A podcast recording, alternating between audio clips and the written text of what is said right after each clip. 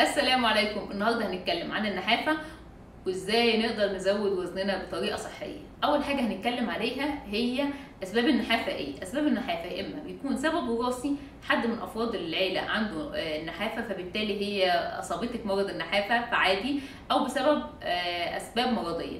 الأسباب المرضية دي بتكون ثلاث حاجات. يا إما بسبب زيادة نشاط الغدة الدرقية أو بتكون إن إحنا عندنا جرثومه المعدة ال H. pylori أو بسبب الديدان والطفيليات. طيب نعمل إيه؟ أول حاجة لو إحنا بنعاني من النحافه أو بناكل وما بنتخنش زي ما بيتقال محتاجين إن إحنا نروح جري نعمل ثلاث تحاليل مهمة. التحليل الأولاني تحليل الغدة الدرقية اللي هو TSH ال T3 ال T4 اللي هو آه، التحليل الثاني محتاجين إن إحنا نعمل تحليل جرثومه المعدة أو ال H. pylori الحاجة الثالثه محتاجين إن إحنا نعمل تحليل براز علشان نتأكد إن إحنا مفيش عندنا أي نوع من أنواع الديدان أو الطفيليات طيب لو عملنا التحاليل وطلع إن التحاليل بتاعتنا كلها كويسة الحمد لله محتاجين بقى نعمل إيه؟ محتاجين إن إحنا ناخد سعرات حرارية زيادة عن احتياجات عن احتياج جسمنا علشان وزننا يزيد. فأول حاجة هنعملها هن هن هنحط مكمل غذائي كسناك جوه الأكل. وأحسن حاجة تتاخد هي ال PediaSure بناخد ال PediaSure عبارة عن ثلاث مكاييل بتحطيها على كوباية عصير أو كوباية لبن أو كوباية زبادي بتاخديها ثلاث مرات أو أربع مرات في اليوم. آمن جدا مفيش فيه أي مشاكل وموجود متوفر بكذا نكهه يبقى أول حاجة هندخل ال PediaSure في نظامنا الغذائي كسناك. الحاجة التانية محتاجين إن إحنا ناخد Digestin أقراص بتاخديها.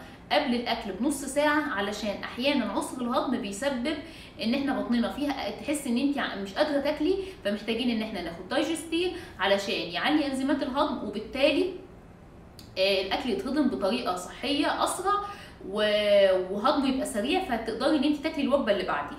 الحاجة الثالثه محتاجين إن إحنا ناخد فواتح شهية. بس للأسف إحنا مش هناخد فواتح شهية آه، أي أدوية. هناخد فواتح الشهية دي من البيت المخللات. ناخد زيتون مخلل قبل الأكل آه، أي نوع من المخللات. اللي بتحبيه تبدأي بيه وجبتك.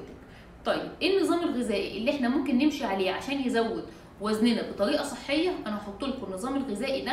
أهم حاجة نلتزم بيها هو إن إحنا الفطار الغداء العشاء يكونوا بمواعيد بالكميات اللي أنا كاتباها. وفي نص الوجبات ديت محتاجين إن إحنا ناخد ال PediaSure نبدأ أكلنا نص ساعة نبدأ أكلنا قبل الأكل بنص ساعة بال Digestin بعد الأكل آه، بين الفطار وبين الغداء ناخد ال PediaSure بس كده أنا خلصت فيديو النحافة. أتمنى إن المعلومات اللي يكون اللي تكون فيه أفادتكم. النظام الغذائي هحطه في آخر الفيديو. bye bye.